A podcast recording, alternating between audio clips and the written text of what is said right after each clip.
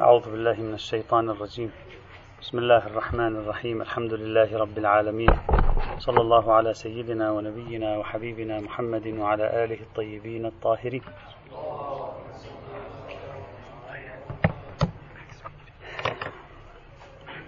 قلنا اليوم سوف ننتهي من خلاصة رسم خارطة تتصل بمجمل ما بحثناه منذ بداية العام إلى اليوم.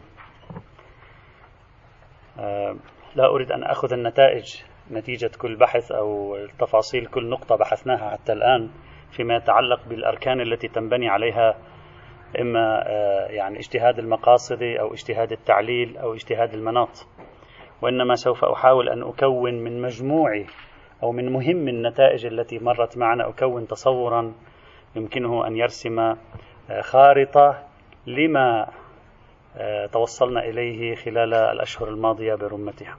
سأحاول الآن فقط أرسمه اليوم ولن أذكر أي أدلة أي بحوث كله تقدم معنا خلال هذه السبعين آه، محاضرة التي مرت معنا إلى الآن خلال هذا العام. آه، مجمل ما عرضناه. قلنا البحث في الأصل سيتكون في مرحلتين. المرحلة الأولى أركان الاجتهاد المقاصدي والعللي. أو الاجتهاد المقاصدي والعلل والمناطي كما ميزنا. وبعد ذلك آه، النتائج والتأثيرات للاجتهاد المقاصدي والعللي والمناطي آه، مثل دور الاجتهاد المقاصدي والعللي في تعارض آه، دوره في النفي دوره في الإثبات بحسب الحالات التي سوف تأتي إن شاء الله تعالى. في المرحلة الأولى تحدثنا عن أركان تقوم عليها الرؤية المقاصدية والعللية والمناطية.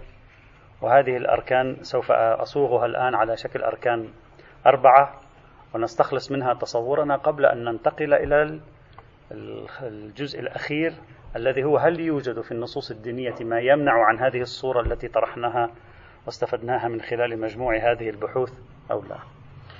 سوف أرسم خلاصة التصور. الذي تحدثنا عنه حتى الآن. أركان الاجتهاد ال... الذي كنا نطرحه منذ بداية العام هي عبارة عن أربعة سأصوغها على شكل أركان أربعة. الركن الأول الركن الأول المنهج الاستقرائي الذي بحثناه في المحور الأول من محاور البحث. المنهج الاستقرائي الذي تحدثنا عنه وقلنا بأنه من أهم المناهج في الاجتهاد الشرعي وفصلنا الكلام فيه يقوم على تقري إما مجموعة نصوص ودلالات تؤدي إلى تركيب دلالة مجموعية أو تقري مجموعة أحكام مختلفة الأدلة تؤدي إلى تركيب قاعدة كلية. وميزنا بين هذه الموارد فصلنا بينها. النتيجة الأهم التي نبتغيها من وراء المنهج المقاصدي في موضوع بحثنا هو. أولا نتائج. سأرتبها بهذه الطريقة. استخراج. الكليات.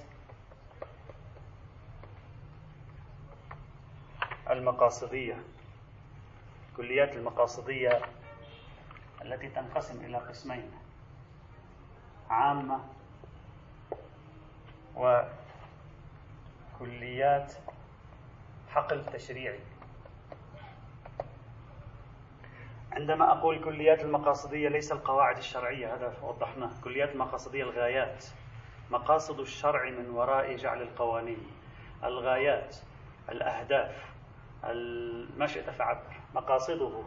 نحن ضع كلمة ضع خطا تحت كلمة المقاصد. نتكلم عن عن قواعد فقهية. نتكلم عن مقاصد شرعية. كليات مقاصدية من خلال المنهج الاستقرائي إذا تذكرون في بداية العام قلنا يمكن بضم مجموعة هائلة من الآيات والروايات أو ضم مجموعة هائلة من الأحكام أن نستخرج مقاصد كلية للشرع. مثلا الشريعة من خلال جمع جميع هذه القرائن واضح أن غايتها مثلا حفظ النفس الإنسانية المحترمة مثلا. هذه من الغايات. ليس حكما هذا غاية من وراء مجموعة أحكام. تحقق هذا الحفظ للإنسان المحترم. غاية من وراء مجموعة الأحكام في الشرع برمته نتكلم الآن برمته هنا. الغاية من وراء مجموعة الأحكام برمتها هي عبارة عن تحقيق مثلا عزة الدين حفظ الدين ما شابه ذلك. فإذا أول نتيجة من وراء استخدام منهج استخراج الكليات المقاصدية العامة يعني للشرع كله يعني لمجموع الشريعة وغاياتها وأهدافها وما الذي تريده من وراء سن هذه القوانين؟ هذا يمكن كما قلنا سابقا إثباته بواسطة جمع مئات النصوص والأدلة أو جمع مئات الأحكام في الأبواب المتفرقة في هذا الموضوع. ما هي نقطة اختلافنا مع المقاصديين هنا؟ نقطة الاختلاف مع المقاصديين قلنا المقاصديون عندما يستخدمون المنهج الاستقرائي يتوصلون إلى الكليات المقاصدية ثم ينزلون الكليات المقاصدية على كل مورد جزئي متناسب معها فيستنبطون حكما شرعيا إلهيا فيه. فأي مورد لا نص فيه يقولون هذا محكوم بالوجوب لأنه يقع في صراط تحقيق الكليات المقاصدية أو هو محكوم بالحرمة لأنه يقع على النقيض من تحقيق الكليات المقاصدية. هذا منهج الاستقرائيين وبالتالي المقاصديين وبالتالي يستفيدون من نظرية المقاصد الآتية عبر المنهج الاستقرائي كما ذكر الشاطبي يستفيدون منها إنشاء أو الكشف عن أحكام شرعية وجعولات شرعية وبالتالي يفتون على أساسها وينسبون مؤدى الفتوى إلى الله سبحانه وتعالى. هذا طريقته أما على ما بنينا عليه من المزاوجة بين ما طرحناه في المنهج الاستقرائي وبين ما طرحناه في نظرية شمول الشريعة قلنا هذه الكليات المقاصدية الغائية من وراء مجموع الشرع لا يمكنني من خلالها أن أثبت أن المولى يفتي في هذا المورد لأن ربما المولى ليس له فتوى في هذا المورد بناء على عدم شمول الشريعة وعدم تغطيتها لجميع الوقائع. فلا أستطيع بالكليات المقاصدية المأخوذة من الاستقراء أن أستنبط حكما شرعيا. لا أستطيع أن أستنبط حكما شرعيا لكن أستطيع شيئان الشيء الأول نفي حكم شرعي محتمل فيما لا نص فيه. قلنا ممكن إذا أنا في هذا المورد احتملنا أن الشريعة تقول ذلك. طرح أحد الفقهاء أن الشريعة هنا موقفها كذا أستطيع أن أقول له أن المنهج الاستقرائي أثبت لي هذه الكليات المقاصدية والفتوى المحتملة التي تتكلم أنت عنها أنت عنها منافية للكليات المقاصدية. أستطيع أن أجعل منافاتها شاهدة مرجوحية شديدة للفتوى. يعني أستطيع أن أنفي أن يكون هناك حكم شرعي في مورد لا نص فيه نتيجة عدم توافق هذا الحكم الشرعي المحتمل مع الكليات المقاصدية المأخوذة بالاستقراء هذا نستطيع أن نفعله. ثانيا توجيه التقنين البشري. إذا الإخوة يذكر كل هذا تكلمنا عنه توجيه التقنين البشري. قلنا في دائرة ما لا نص فيه ولا دليل على وجود جعل شرعي فيه أصلا لأننا نتبنى نظرية عدم شمول الشريعة. يريد البشر أن يقننوا. هنا في مثل هذه الحال الكليات المقاصدية المأخوذة من المنهج الاستقرائي تستطيع توجيه القانون البشري. يعني تستطيع أن تقول كل تقنين بشري لا يتوالم مع الكليات المقاصدية فهو مرفوض عندي. كل تقنين بشري يتوالم مع الكليات المقاصدية ليس عندي مانع منه. لكن التقنين البشري أي المجعول البشري قانونيا ليس منسوبا إلى المولى. هذا الذي طرحناه في بحث شمول الشهوة هو بنفسه ليس منسوبا إلى المولى. لكن ممكن المولى يقول أنا ليس عندي مانع منه أن تقننوه أنتم. وممكن أن يقول مرة أخرى عندي مانع في أن تقننوه.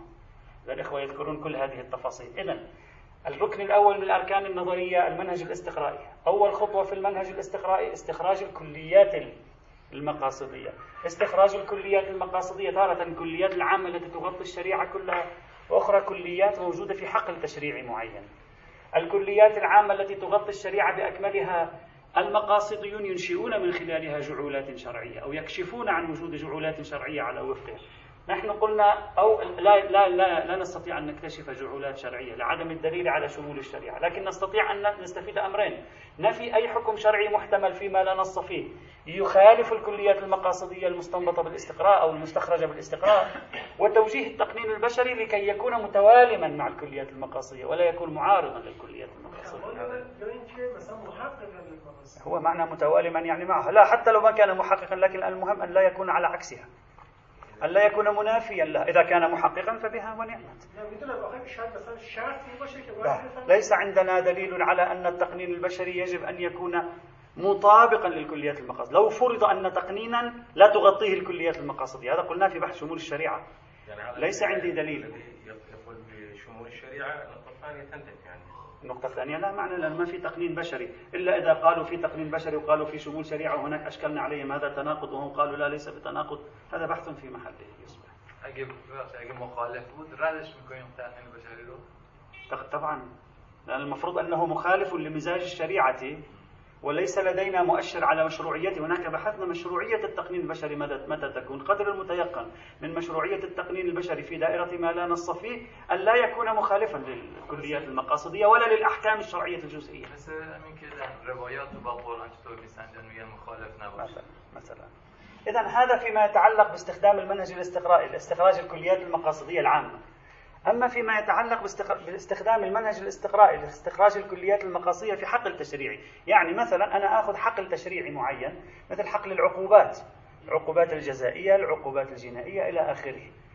ثم أنظر ما هي الغايات من ورائه مستخدما المنهج الاستقرائي. بحسب ما يتوفر عندي من من معطياتها. قد يتوفر عندي من معطيات قد لا يتوفر. لكن بحسب ما يتوفر عندي معطيات. إذا تمت قواعد المنهج الاستقرائي فأستطيع أن أستخرج أيضا غايات ومقاصد في حقل تشريعي معين. مثلا أقول مثلا أنا أعطي مثال أقول العقوبات الجزائية والجنائية مقصدها الحد من الجريمة في المجتمع. فهذا مقصد. ينبغي أن يكون تنظر إليه الشريعة عند مواضع. إذا ثبت ذلك أنا لا أحلله من ذهني. أنا آتي به من خلال طريقة الاستقراء التي شرحناها وأساليب طريقة. إذا تحقق في مورده. آه. إذا كان كذلك طبعا يحتاج يكون حقل تشريعي واسع لا يكون حقل ضيق لأن قلنا المنهج الاستقرائي لا يتيسر في الحقول الضيقة لأن عدد الشواهد يكون قليلا وعدد الشواهد إذا كان قليلا لا يمكن أن يراكم لي ليحصل لي اطمئنانا في المورد كلما زاد عدد الشواهد النصية وغير النصية يمكن أن يحصل لي اطمئنانا بالنتيجة. كلما نقص العدد صعب أن يحصل لي اطمئنانا بالنتيجة. فيما يتعلق بالمنهج الاستقرائي في استخراج الكليات المقاصدية في حقل تشريعي يمكنني أن أجعله على قسمين هو ليس على قسمين لكن أنا من باب التسامح الآن سأجعله على قسمين لأنه أحد القسمين ليس مندرجا ضمنه لكن ما وجدت مكان أخليه قلت لازم أخليه هون. القسم الأول استخراج عبر المنهج الاستقرائي. أنا الآن مباشرة نربطه بين المنهج الاستقرائي وبين هذا. استخراج قواعد متصيدة. القواعد ليست مقاصد القواعد قواعد. إذا استخرجنا قواعد متصيدة بواسطة المنهج الاستقرائي في حقل تشريعي معين مصادق هذه القواعد أحكام شرعية لأنها ليست سوى مصادق لحكم شرعي. فأستطيع أن أنسبها إلى الشارع كما قلنا سابقا. أما مرة ثانية لا ليس استخراج قواعد متصيدة. استخراج مقاصد في هذا الحقل التشريعي. أنتم آه، خذوا صوتي أنا أتكلم لأن إذا ما أخذت صوتي ما راح تفهم شو كاتب. خليها في بالك. أنا مستحيل تأخذ صوتي وخليه مع مع الكلام.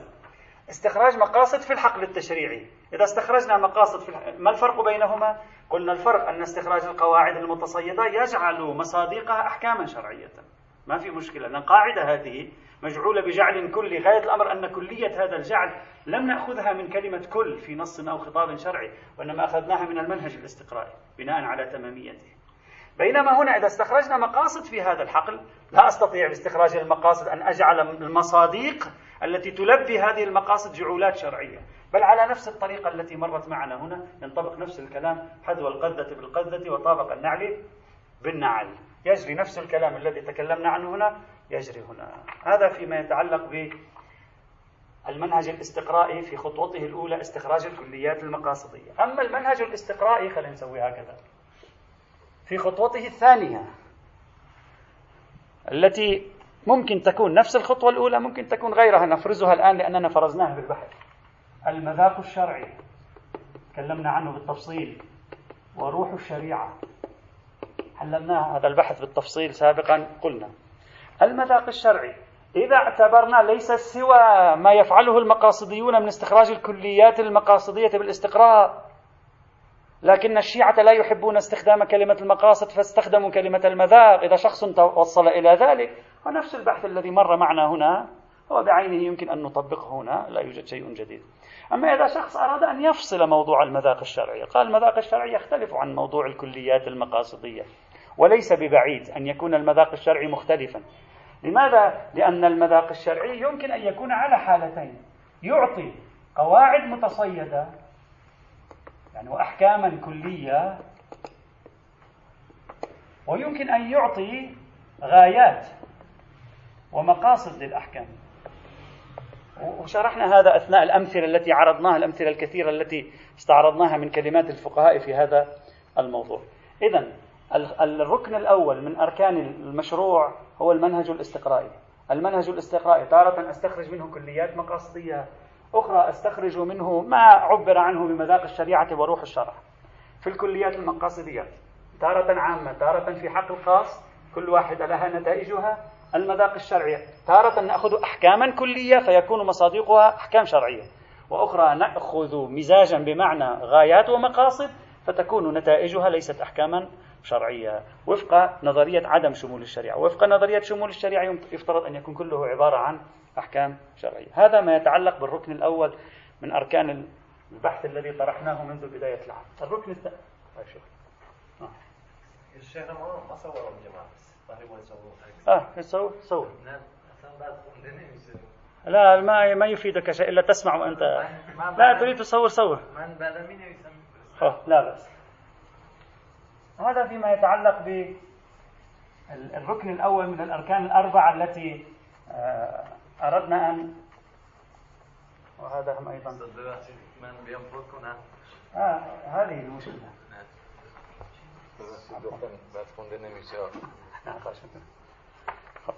الركن الثاني من أركان البحث هنا نعم كله النصوص المقاصدية العامة. النصوص المقاصدية العامة. النصوص المقاصدية والنصوص الدستورية العامة الموجودة في الشرع.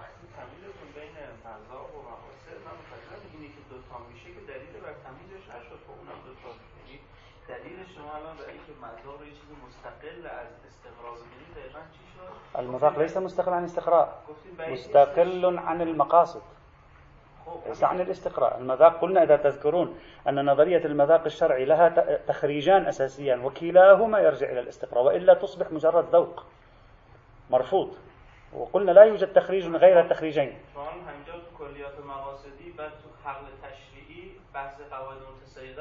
لذلك قلت أنا أتيت به لأنه ليس في محله. المذاق تارة تستخرج منه حكما كليا. مر معنا شيخنا.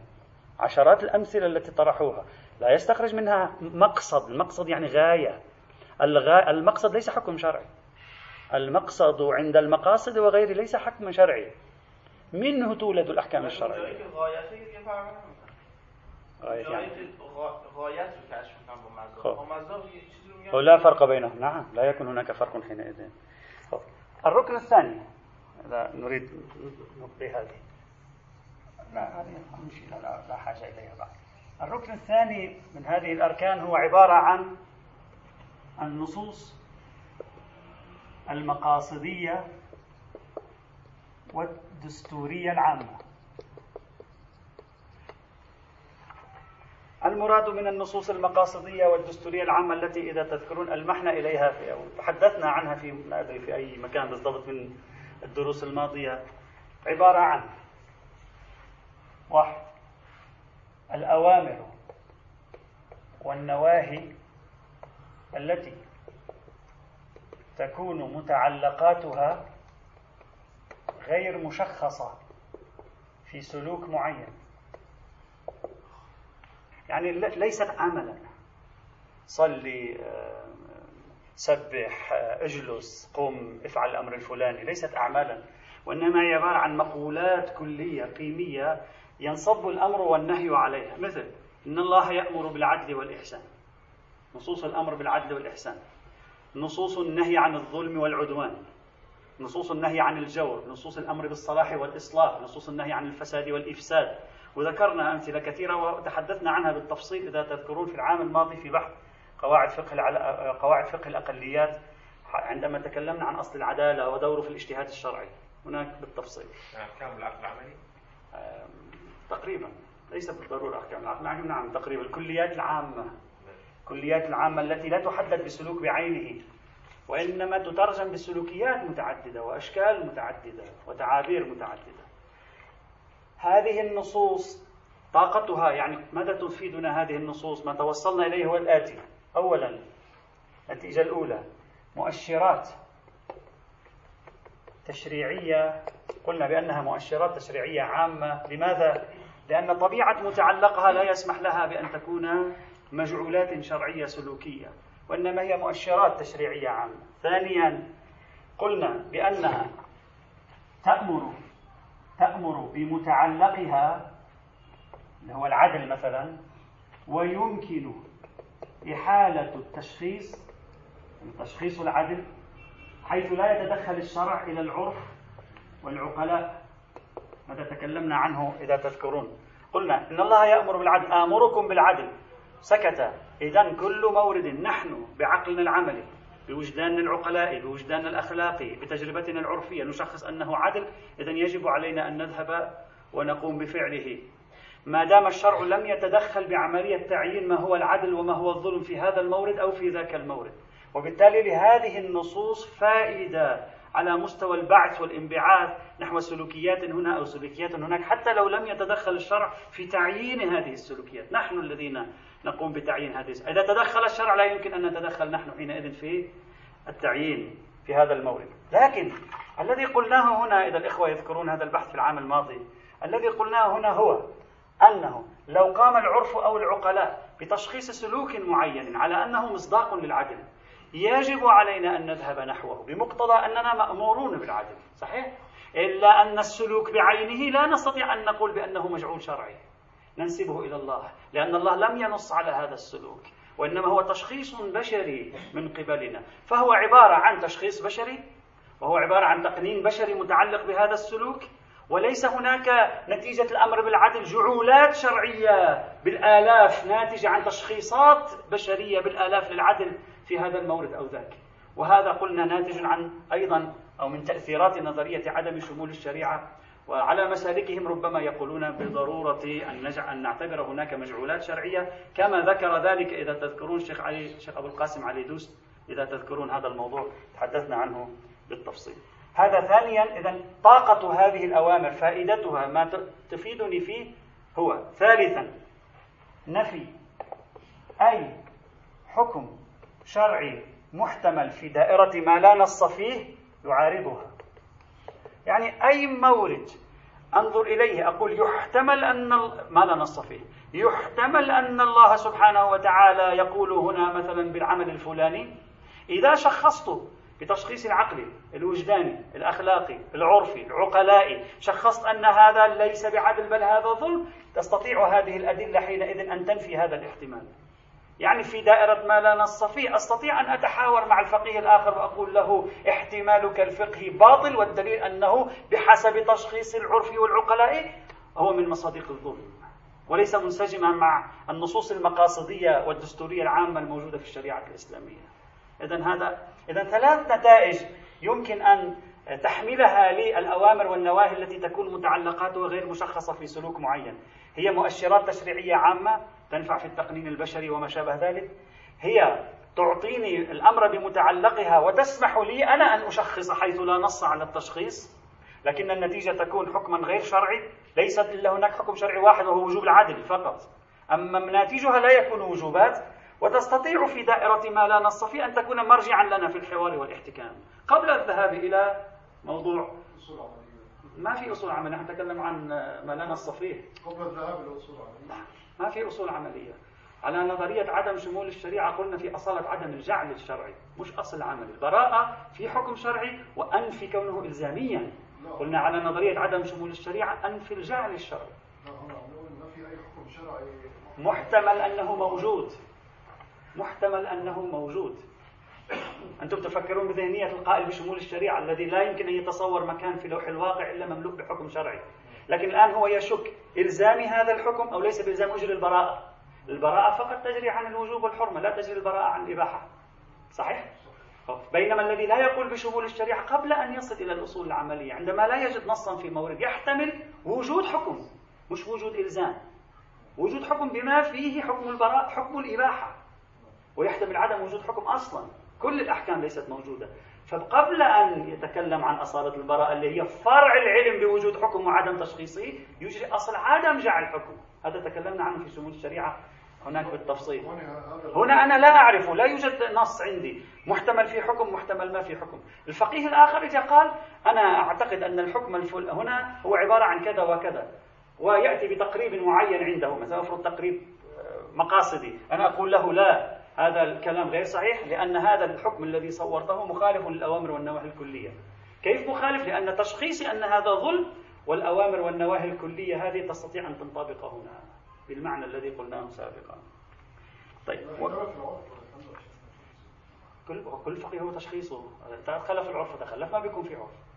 خلصت يعني ما في مرجع هنا. مثل إذا اختلفت الأدلة لا يكون هناك مرجع له. اختلف خلص نتكلم في المورد الذي يشخص فيه العقلاء بما هم عقلاء أو العرف بما هو عرف أو حتى الإنسان بنفسه إذا شخص وراء أن هكذا هذا يبدو لي أنه عدل. الله يأمرني بالعدل وأنا أرى هذا عدل فأنا مأمور بأن أنصاع للأمر الإلهي بالعدل. دون أن أنسب المورد الجزئي إلى الله. هذه من نتائج نظرية عدم شمول الشيء. إذا هذه النصوص ذات دور سلبي تنفي حكما فيما لا نص فيه لكنها ليست ذات دور إيجابي. لا تنشئ حكما فيما لا نص فيه. كما قلنا في هذا الموضوع. هذا النوع الأول من النصوص المقاصدية والدستورية العامة. النوع الثاني من النصوص المقاصدية والدستورية العامة هي النصوص التعليلية المقاصدية. ليس كل تعليل. يعني التعليل بالمقصد التعليل بالملاك التعليل بالغاية مش كل النصوص تعليلية لأن بعض النصوص التعليلية كما تذكرون تعليل بالمقصد والملاك والحكمة وبعضها تعليل بالمناط. تعليل بالمناط لا علاقة له كما شرحنا بالتفصيل بموضوع العلة والغاية والحكمة بالمعنى الثبوتي للكلمة. نصوص تعليلية مقاصدية. مثلا جعل الله تقول أنا السلطة السياسية في المجتمع الغاية من ورائها نظم المجتمع. وجعل الله مثلا إمامة نظاما للملة. هذا نص مقاصدي. مقاصد بأي معنى مقاصد؟ يعني يبين علة فضاء معين. ليس علة حكم جزئي. النصوص تعليلية عامة. نتكلم عن النصوص العامة هنا. لا نتكلم عن الموارد الجزئية. نتكلم عن عن القضايا العامة. فنقول السلطة السياسية بكل ما تملك من منظومة النص التعليلي المقاصدي فيها يتحدث عن أن الغاية من ورائها نظم الأمر. فإذا عندي نص تعليلي مقاصدي يمكنني أن أستفيد منه في المقام لكي أرجع إليه في هذا المجال. ما قيمة هذا النص التعليلي؟ قيمة هذا النص التعليلي أنه لا ينتج حكما شرعيا لأنه ليس نص تعليلي بحكم بمناط. هو نص تعليلي بمقصد. وكلنا النصوص التعليلية بالمقاصد لا تنشئ أحكاما. لا تنشئ أحكام نعم يمكن أن تنفي حكم لكنها لا تستطيع أن تنشئ حكما على نفس الطريقة التي شرحناها هناك في هذا الإطار. ولعل ولعل هذه المجموعة الأولى اللي هي تنتمي إلى نصوص دستورية. وهذه المجموعة الثانية اللي هي نصوص مقاصدية جاءت عبر العلل. لعل هاتين المجموعتين كما ذكرنا في بحث شمول الشريعة قبل عامين هو مراد الشيخ محمد مهدي شمس الدين عندما تكلم عن أدلة التشريع العليا. هناك شرحنا أنه لا يبعد أن يكون هذا هو مراده في هذا الموضوع. إذا تتعاضد المناهج الاستقرائية مع النصوص المقاصدية والدستورية العامة لتشكل الآن إطارا للعمل الاجتهادي في هذا المجال. الركن الثالث. أنا أمزح معك. آه. الركن الثالث التعليل النصي الذي تحدثنا عنه بشيء من الإطالة كلش نعم نعم نعم لو سمحت آخرش میرسید استاد به رکن رابع دیگه درسته؟ باید اگر فرصت داشتیم. مال آقای احسایی نه الركن الثالث التعليل النصي. الركن الثالث التعليل النصي.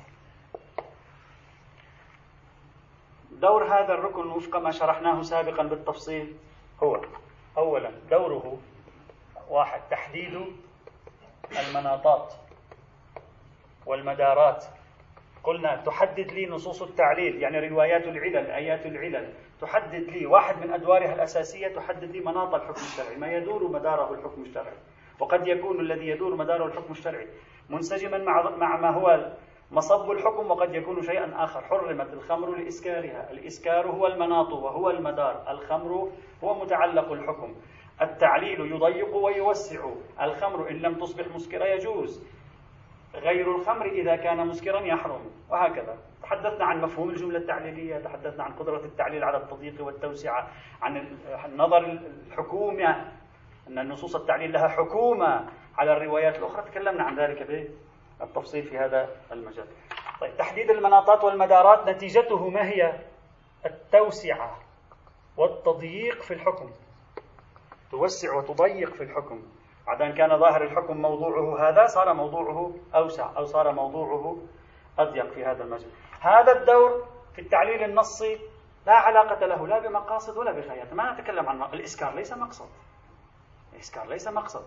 أرجو أن لا تختلط علينا المصطلحات مرارا. حاولنا أن نفصل هذه المصطلحات عن بعض. الإسكار ليس مقصد الإسكار مناط. المقصد هو أن لا يؤدي أن لا يقع العداوة بين الناس إنما يريد الشيطان أن يوقع بينكم العداوة والبغضاء في الخمر والميسر ويصدكم عن ذكر الله وعن الصلاة فهل أنتم منتهون هذا مقصد يعني الغاية التي يريدها من وراء جعل الحرمة على الخمر. الهدف الذي يتوخى تحققه من وراء جعل الحكم الشرعي. أما هذه ليست مقاصد هذه مناطات. الإسكار ليس مقصد. الإسكار مناط يدور الحكم مداره. إذا التعليل النصي بدوره الأول منفصل تماما عن نظرية المقاصد ومرتبط بنظرية الاجتهاد المناطي وليس بنظرية الاجتهاد المقاصدي. يعني مرتبط بنظرية العلل بمعنى المناطات والمدارات لا بنظرية العلل بمعنى الغايات والملاكات. إذا تذكرون هذا الأمر كما تحدثنا عنه مرارا. طيب هذه الدور الأول الذي يلعبه التعليل النصي. الدور الثاني الذي يلعبه التعليل النصي أنه يقدر على أن يخدم الاجتهاد المقاصدي عموما وخصوصا. هذا لا علاقة له بالاجتهاد المقاصدي لكن هنا يستطيع أن يخدم الاجتهاد المقاصدي عموما وخصوصا. كيف؟ يستطيع أن يخدم الاجتهاد المقاصدي خدمة الاجتهاد المقاصدي عموما وخصوصا. عموما ما معنى؟ يعني مثل ما قلنا قبل قليل. الشريع مثلا إذا جاءني نص تعليل إنما جعل الله الشرع عليكم وألزمكم وجعل لكم الحلال والحرام والمستحب والمكروه لكذا وكذا. وهذا نص تعليلي ولكنه نص تعليلي مقاصدي. فأستطيع أن أستفيد منه طبق الاستفادة من المقاصد يعني في دور النفي لا في دور الإثبات. هذه لا نريد أن نكررها كثيرا. في دور النفي لا في دور الإثبات على الطريقة التي قلناها. وكذلك الحال خدمة الاجتهاد المقاصدي خصوصا. ما معنى خصوصا؟ يعني لو جاء التعليل بالحكمة ولم يأتي التعليل بالمناط. وقلنا اختلف الفقهاء حتى أصوليي السنة لم يقبلوا التعليل بالحكمة والملاك. وقلنا لا يبعد أن نقبل بالتعليل بالحكمة. مشكلتهم الأساسية كانت أن الحكمة لا تنضبط ولا تتميز. قلنا عدم الانضباط والتميز لا يمنع ضرورة عن جعل الحكمة مدارا للحكم الشرعي. يمكن أن تكون في بعض الأحيان على الأقل الحكمة المناط الملاك الغاية المصلحة مدارا أيضا للحكم الشرعي في بعض الموارد على الأقل. وذكرنا آه، في آه، كثير تكلمنا عن هذا الأمر الذي ربما يخالف جمهور فقهاء المسلمين فيما يتقن فإذا التعليل النصي هو عبارة عن الركن الثالث. نستفيد منه بموردين تحديد المناطات والمدارات بما يؤدي إلى التوسع والتضيق في الأحكام ويغير الشكل الظاهري للأحكام. اثنين خدمة الاجتهاد المقاصدي إما عموما وإما خصوصا على طريقة الاجتهاد المقاصدي التي بينا أنها آه، تنتج أحكاما أو تنفي أحكاما أو توجه المقنن البشري أو إلى آخره من هذه الأمور. الركن الرابع والأخير توليفة. هذا الذي تقريبا منذ أكثر من شهر ونحن نبحث في شهرين نبحث في توليفة القواعد العقلائية التفسيرية والاستنباطية التي تعدل من طريقة التفسير الحرفي للنص ما هي هذه التوليفة؟ ما هي هذه التوليفة؟ التوليفة صارت هنا ما هي هذه التوليفة؟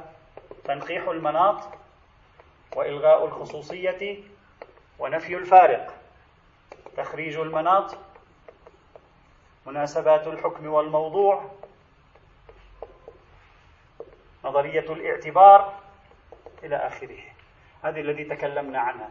قلنا توليفة القواعد العقلانية تارة تفسر كما في هذه وتارة تستنبط. قلنا الاعتبار له دوران دور تفسيري ودور استنباطي إذا تذكرون. يعني ينشئ يكشف لي عن حكم شرعي أحيانا حتى لا أنه يفسر. هذه التوليفة لها علاقة بالدرجة الأولى بالاجتهاد المناطي نادرا ما يكون لها علاقة باجتهاد المقاصد والملاكات. لأنها في الحقيقة أنا عندما أستخدم قواعد تنقيح المناط وإلغاء الخصوصية ونفي الفارق وتخريج المناط ومناسبة الحكم والموضوع والاعتبار أنا في الحقيقة لا أقوم بالكشف عن مقاصد. أنا أحدد بالضبط مناط الحكم. مدار الحكم هوية الحكم. ما ما يهمني المقصد من ورائه. الملاك والمصلحة المستهدفة من وراء جعل هذا الحكم عند المولى هذا شيء لا يهمني. قلنا هذا. أنا فقط يهمني هو ماذا يريد من كلمة اغسل يدك من البول مرتين. هل يريد اليد أو أن مدار الحكم على مطلق الشيء؟ لا خصوص اليد.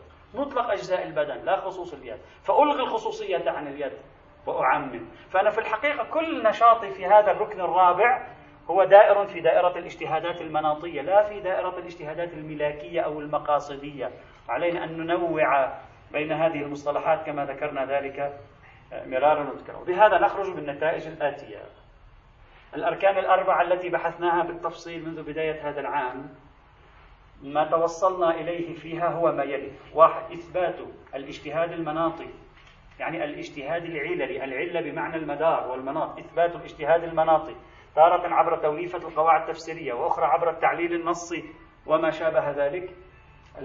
وهدفنا من وراء الاجتهاد المناطي تخطي حرفية النصوص والبحث بواسطة القواعد العقلائية عن مدارات ومناطات غير موجودة في النص. وفي نفس الوقت العرف والعقلاء يفهمون أن النص يريدها فيخرجون عن حرفية النص. وقلنا بأنهم يمارسونها عمليا لكن يمارسونها بدائرة وقلنا يمكن أن تمارس بدائرة أوسع.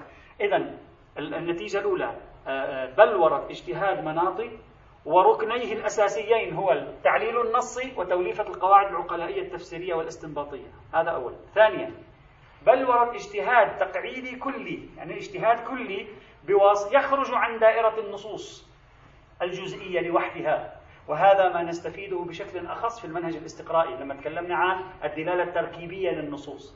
فنحن نستخرج كليات متصيدة بواسطة الاستقراء وليست ملفوظة في أي نص من النصوص الشرعية المتوفرة بين يدينا. وبذلك نكون قد بلورنا نمطا من الاجتهاد يؤصل لقواعد غير ملفوظة في نص وإنما متصيدة آه، اصطيادا. والنتيجة الثالثة التأصيل أو التبرير لاجتهاد مقاصدي غائي له دور كبير في نفي أحكام محتملة فيما لا نص فيه وفي تعيين مسار الاجتهاد أو التقنين البشري كما تكلمنا سابقا ويساعد في أمور أخرى مثل باب التعارض كما سوف يأتي معنا بحثه إن شاء الله تعالى. هذا كله بهذا كله يظهر أن هذا النمط من الاجتهاد القائم على هذه الأركان الأربعة لا فرق فيه بين العبادات والمعاملات كما قلنا خلافا لما يطرح. إنما الفرق فيه بين المبهمات وغير المبهمات كما قلنا. هناك تشريعات مبهمة. ما معنى مبهمة؟ لا نعرف ليس لدينا خبرة مسبقة بها كعقلاء سواء كانت معاملي معاملية أم كانت عبادية. وهناك تشريعات غير مبهمة. لنا خبرة فيها قادرين على أن نطبق هذه القواعد فيها. لا فرق فيها بين أن تكون عبادية أو لا تكون عبادية. وبهذا نعرف أن ما توصلنا إليه لا يثبت الاجتهاد المقاصد المعروف لكنه يتداخل معه يتداخل معه بدرجة من الدرجات ويتعاضد معه وفي الوقت عينه يمتاز امتيازا كبيرا عن المسالك المدرسية المعروفة في الاجتهاد الشرعي. كل هذه النتيجة تعليقية. ما معنى تعليقية معلقة؟ يعني على عدم ورود دليل من الشرع بإطلاقه أو عمومه يرفض استخدام هذه الطرق. وهذا الدليل ليس إلا القضية القياس. لذلك من الغد إن شاء الله تعالى سنبحث ماذا قصد أهل البيت من القياس الذي نهوا عنه؟ أي قياس كان منظورا؟ ما هو المراد من النهي عن اجتهاد الرأي الذي جاء في النصوص؟ ما هو المراد من النهي عن إعمال العقل في الدين؟ وأن الدين لا يعمل فيه العقل وهذه أليست إعمالا للعقل العقلائي؟ هذه كلها قواعد وهم يطبقونها. هم يطبقون رأينا عشرات الموارد يطبقونها. هذه النصوص بأجمعها سوف نربطها كلها نصوص القياس نصوص النهي عن الرأي في الدين نصوص آه، النهي عن إعمال العقل إلى آخر سنربطها على شكل طوائف من من الآيات والروايات بحسب ما يتوفر. ونرى هل صحيح ما يقال أن هذه الروايات تبلغ 500 رواية أو ألف أو 15 كل شيء عليك أن تحتمله وتهيئ نفسك لمفاجآت وتهيئ نفسك من الآن لمفاجآت. ربما أقول ما أعرف فنسوي سسبنس يعني مش أكثر. أن تهيئ نفسك لمفاجآت ممكن ما يقال كما جاء في بعض الكلمات. 500 رواية في النهي عن القياس يمكن تطلع 1000 رواية. 500 لا شيء. ويمكن تطلع 15 رواية. وثلاث أرباعها ضعيفة الإسناد ربما. ونحتاج إلى مثلا كل شيء عليه. لأننا كما قلنا في العام الماضي مع كامل الأسف نادرا ما تجد أحد في وسط الرافضين للقياس يجمع جميع روايات أهل البيت وينظر فيها ليفهم صدورها مناسبات صدورها المراد منها. ماذا كانت ناظرة؟ ماذا تريد أن تثبت؟ ماذا تريد أن تنفي؟ هذا قليل جدا إلا مؤخرا بعض الإشارات هنا وهناك كما سوف نرى إن شاء الله تعالى. هذه هي الخارطة التي توصلنا إليها من خلال مجموعة البحوث. السابقة بانتظار هذا البحث الأخير المتعلق بالقياس والرأي والعقل وما شابه ذلك في الدين. والحمد لله رب العالمين.